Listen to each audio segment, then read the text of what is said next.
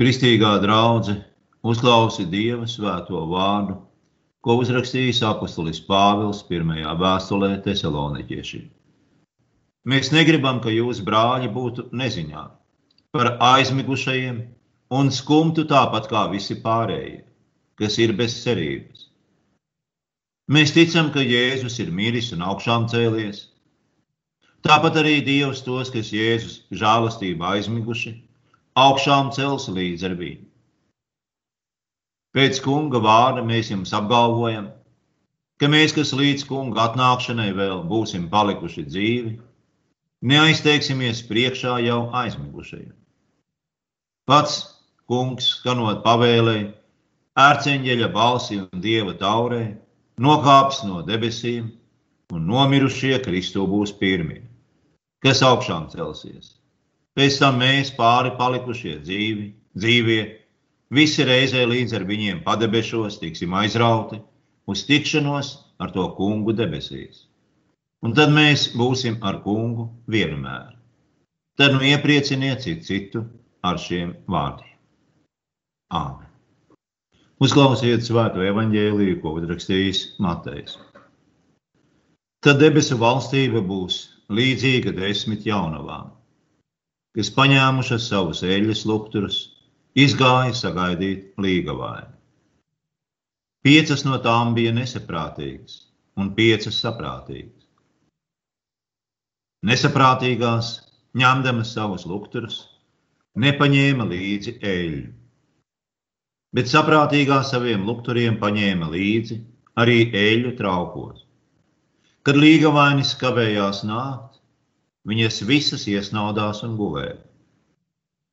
Bet nakts vidū atskanēja skaļi saucieni. Redzi, līgavainis nāk, izējiet viņu sagaidīt. Tad visas desmit jaunavas uzcēlās un sagatavoja savus lukturus. Nu, nesaprātīgās lūdza saprātīgajām Dodiet mums no savas eļļas, jo mūsu lukturi izies. Bet saprātīgās atbildēja: Nē, tā nepietiks ne mums, ne jums. Labāk ejiet pie tirgotājiem un nopērciet sev. Kamēr viņas gāja pirkt, atnāca līga vainas, un tās, kuras bija gatavas, iegāja līdz ar viņu kāzu namā, un durvis tika aizslēgtas. Vēlāk atnāca arī pārējās jaunavas un sauca: Kungs, kungs, atver mums! Bet viņš tām atbildēja: Patiesi, es jums saku, es jūs nepazīstu. Tādēļ esiet nomodā, jo jūs nezināt nec to dienu, nec stundu. Āmen. Strauji tuvojas baznīcas gada beigas, un kā ierasts mums jāpievēršas mūžības tēmām. Īpaši svarīgi tas šķiet tagad, kad cilvēce varbūt jūtas pat vairāk apdraudēta nekā tā bijusi visus pēdējos gadu desmitus pēc otrā pasaules kara. Draudi veselībai un dzīvībai spiež domāt par Dievu arī tos, kuriem tā agrāk bija sveša lieta. Tomēr patiesība sakot par Dievu, cilvēki ir domājuši vienmēr arī pat pavisam materiālistiski noskaņoti. Kad padomju kosmonauts Jurijs Gagārins kosmosa raķetē riņķoja apkārt Zemē, viņš ziņoja vadības centram, ka nekādu dievu viņš nevarot ieraudzīt. Vēlāk apmeklējot Londonu, viņš tika uzņemts ar milzīgu sajūsmu. Un sāsaka pēc oficiālās tikšanās Kruščovs pasaucis kosmonautu sāņus un vaicājis. Nu, tagad es esmu dzirdējis visu, kas tev šodien bija jāsaka šeit. Un tas bija labi sacīts. Bet saki man godīgi un bez kādām bailēm no soda. Vai tas patiesi bija tā, ka tu tur augšā neatradi Dievu? Un Gagārins atbildējis, nē, es neatradu Dievu. Un tad Kruščovs esot atviegloti nopūties un sacījis, Tas ir tas, no kā es baidījos. Bet nesaki to nevienam. Kad vēlāk Gārins apmeklējis Romu, pāvis viņam esot uzdevis tieši šo pašu jautājumu un saņēmis to pašu atbildi. Gagārins apriņķoja zemeslodi vienu reizi. Viņa lidojums ilga stundu un 48 minūtes, un Dievu ieraudzīt viņam neizdevās. Šis stāsts liecina, cik absurdi ir mēģināt noteikt Dievam kādu kontrolējumu atrašanās vietu. Un tad uz tā pamata vienā vai otrā veidā noliek Dieva esamību. Tas liecina, cik nenormāli lepns, smieklīgs un traģisks ir mazais puteklītis cilvēks. Cik mums zināms, visumā joprojām nav nekā tāda, ko mēs varētu saukt par Dievu. Mums, piemēram, ir paraugi no mēneša virsmas, bet tie klusē, un neko mums nestāsta par Dievu. Kur mēs varam atrast runājošu akmeņu? Lai tos atrastu, mums jādodas nevis uz mēnesi, nevis kosmosā, bet uz Jeruzalemi. Jo tur akmeņi brāc tad, kad neskan cilvēku vārdu. Evanģēlis stāsta, ka tad, kad Jēzus tojās vietai, kur ceļš ved lejup no Olīvu kalna, viss mācekļu pulks, priecādamies skaļā balsī, sāka slavēt Dievu par visiem brīnumiem, ko bija redzējuši. Tie sauca, svētīts ir ķēniņš, kas nāk tā kunga vārdā. Miers debesīs, gods augstībā. Daži farizēji no pūļa viņam sacīja skolotāji, apsauc savus mācekļus. Bet viņš atbildēja, es jums saku, ja viņi klusēs, tad akmeņi brēks. Mieres debesīs un gods augstībā, jeb augstajās debesīs. Kur gan tās atrodas? Atbilde ir, tobrīd Jēzum jājot uz ēzeļa, pirms dažiem gadiem autiņos Bētlemes silītē, un dažas dienas pēc šī dienas evaņģēlijas stāsta karājoties pie Golgātas krusta. Nu, lūk, šeit arī ir vislielākā pretruna, paradoks, absurds cilvēka prāta. Prāts grib meklēt dievu debesīs, nevis silītē, uz ēzeļa muguras un pie krusta. Tiem, kuri balstoties savos pieņēmumos, noraida dieva esamību, nav nekā cita, ko sacīt, ka cilvēki paši izdomājot savus dievus. Nu, bez šaubām tas var izskaidrot daudz ko, bet ne visu. Un tas, kas neiedaras šāda veida hipotēzē, parasti ir īpaši svarīgs. Mēdz sacīt, ka baznīcas tēvam Tertuliānam pieder vārdi. Es ticu tādēļ, ka tas ir absurdi. Mēs nokļūtu maldos, ja vadītos pēc absurduma kā augstākā kritērija. Un tas pats notiktu, ja mēs par augstāko kritēriju izvēlētos savu prātu, nu vai to, kas rada mums emocionālu gandarījumu. Mēs nevaram loģiski spriest, tas, kas ir absurds, ir patiesa, Dievs ir absurds, tādēļ Dievs ir patiesa. Tas, kas ir saprātīgs, ir patiesa, Dievs ir saprātīgs, tādēļ Dievs ir patiesa. Tas, kas ir emocionāli apmierinoši, ir patiesa, Dievs ir emocionāli apmierinošs, tādēļ Dievs ir patiesa. Otrā un trešā šo siloģismu daļa pavisam noteikti nav Dievs. Kādēļ nē? Nu, tādēļ, ka cilvēks nevar uzstādīt nosacījumus Dievam un piešķirt vai atņemt viņam tiesības eksistēt. Šā iemesla dēļ mums jārunā drusku pareizāk par Tertuliānu un jāsaka, Es ticu un es atzīstu, ka es nekad nevarētu savā prātā iedomāties tādu dievu, kāds viņš patiesībā ir. Kāds viņš ir Jēzu no Nāceretes, silītē uz ēzeļa muguras un pie krusta. Tas ir tik grūti aptverams, neticams, ka tie, kas ir gudri šajā pasaulē, viņu nespēja uztvert kā dievu. To toreiz nespēja arī Jeruzalē. Un tādēļ Jēzus raudāja par to. Un tiesa mēs, cilvēki, arī raudam.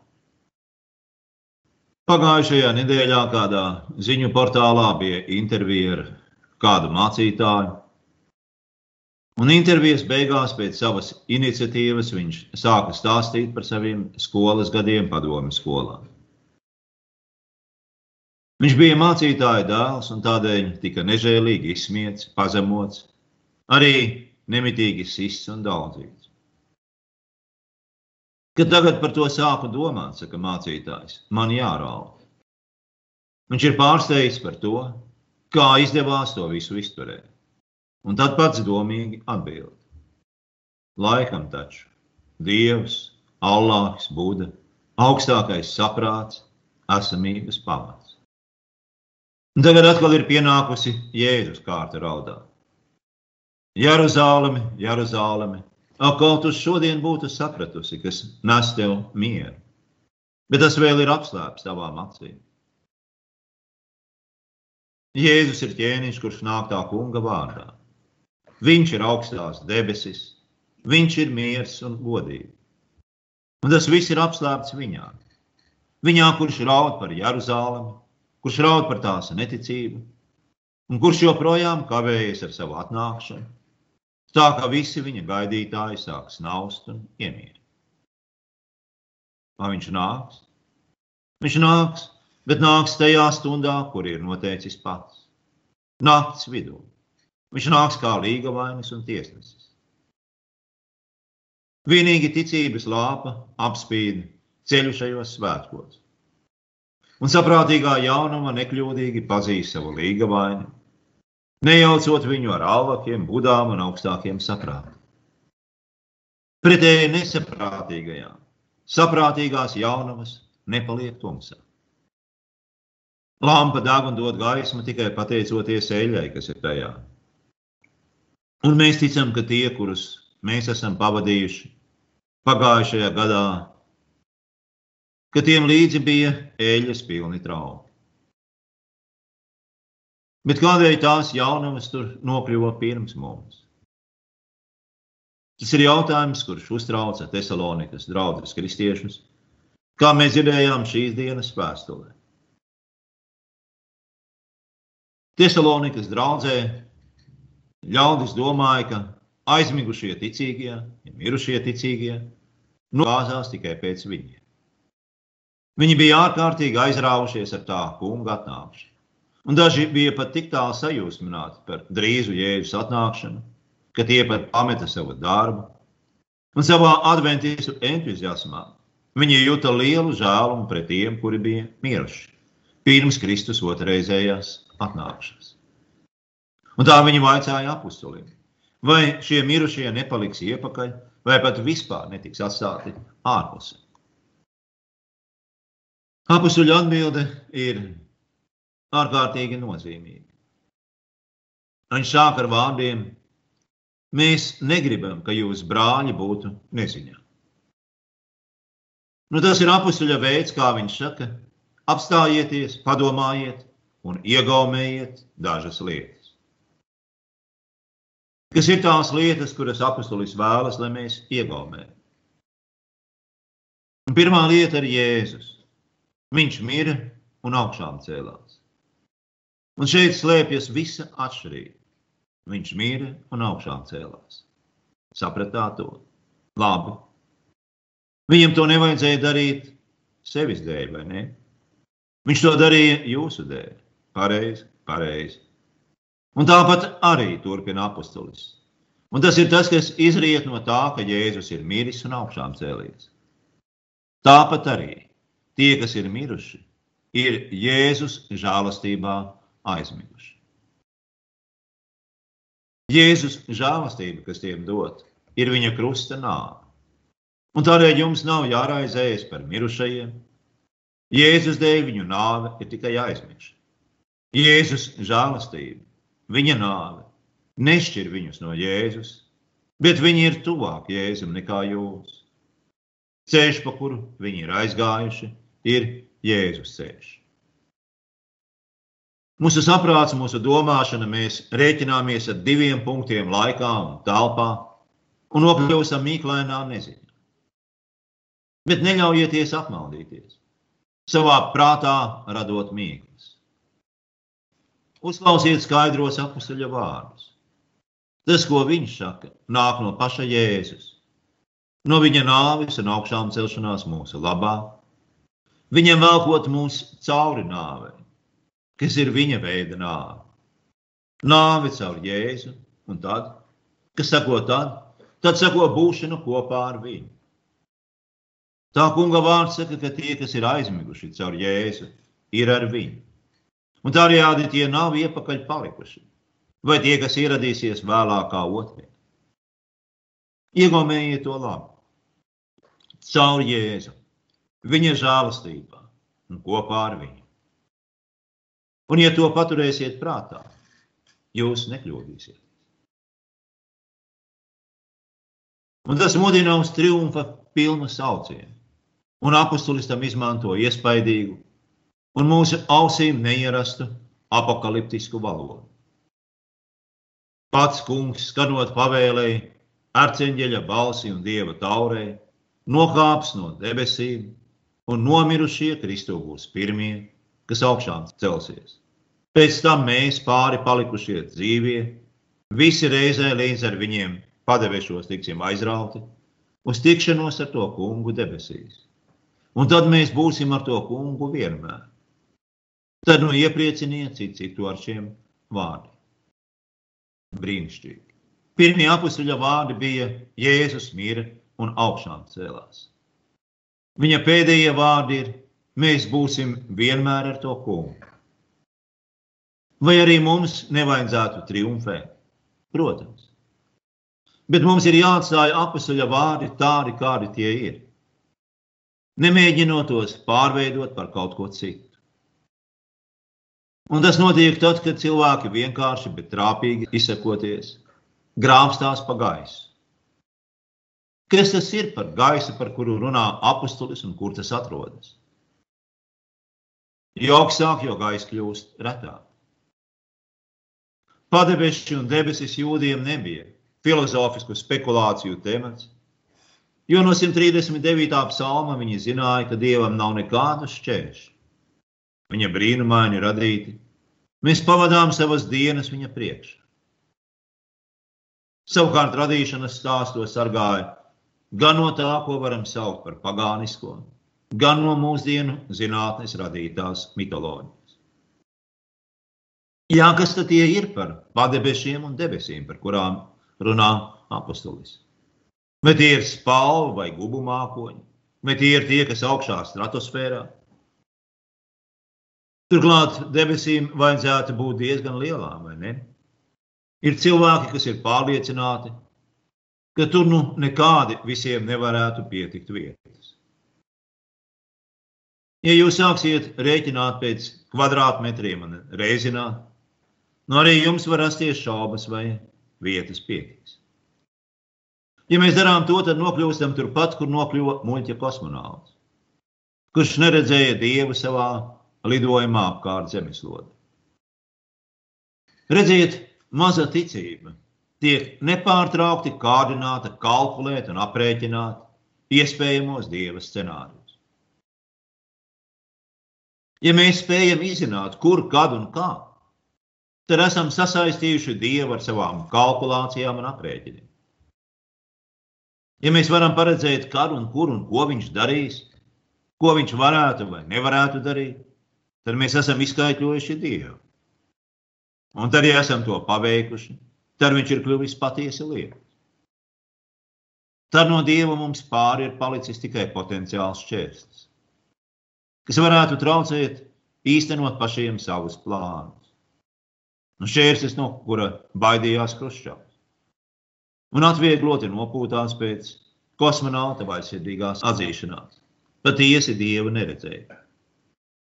Tātad šķēršļa nav, un viss ir pašu cilvēku ziņā, viņu pašu rokās, un neviena priekšā ne par ko nebūs jāatbild. Sirsnīgā čigānu lūkšana, kaut man viss būtu, nekas par to nebūtu, ir tikusi uzklausīta. Bet tagad atgriezīsimies pie savām debesīm. Mums nereti ir savādas domas un intereses, raizes un rūpes par tām. Nu, piemēram, vai mūsu suns būs ar mums kopā debesīs. Šajā sakarībā der atcerēties Mārtiņa Lutera vēstuli viņa mazajam dēlam Hansam, kurā Luters stāsta par priekiem, rotaļu biedriem un ponijiem, un brīnišķīgu dārzu debesīs. Mēs visi esam mazie ansīši to vārdu priekšā, kuri stāsta par Dieva apsolījumu piepildīšanu. Par to, ko iemanto tie, kuri Jēzus žēlastībā aizmiguši. Ar viņu, caur viņu, Dievs apvienos atkal kopā dzīvos un mirušos, lai tie būtu kopā ar viņu mūžīgi. Nekas neies zudumā. Arī es Tas izklausās neticami, absurdi, vai ne? Jā, bet ļauj tam kungam darīt viņa absurdās lietas, mīlot tevi. Mazo puteklīti no lielā visuma putekļa. Un nemēģini cept pats savas absurdās aplamības. Uz šo kungu, kurš izvedīs tevi cauri nāvei, kā savai nāvei, tu vari droši paļauties. Tu vari būt drošs, ka viņš spēs izdarīt visu nepieciešamo. Arī to, ko tu nevari aprēķināt, pat pateikt vai izdomāt. Mums ir dotas zināmas priekšpilnas norādes, bet mums nav dotas sīkas detaļas. Tomēr pašu pamatu, pašu būtisko mēs zinām. Zinām ļoti skaidri un pārliecinoši. Dievs mūs nav nolicis dusmībai, bet gan lai mēs iegūtu pestīšanu ar mūsu kungu Jēzu Kristu. Ja vēlamies dusmību, protams, varam to dabūt. Uz šīm debesīm neviens netiek dzīts ar pātu. Tomēr Dievs nav tevi nolēmis dusmību, bet pestīšanai caur Jēzu Kristu, kurš miera par tevi. Lai būdams aizmidzis vai nomodā, tu vari dzīvot kopā ar viņu. Ar viņu, caur viņu, pateicoties viņam, mīļajam Jēzum, vienmēr. Ieprieciniet citu citu ar šiem vārdiem. Āmen.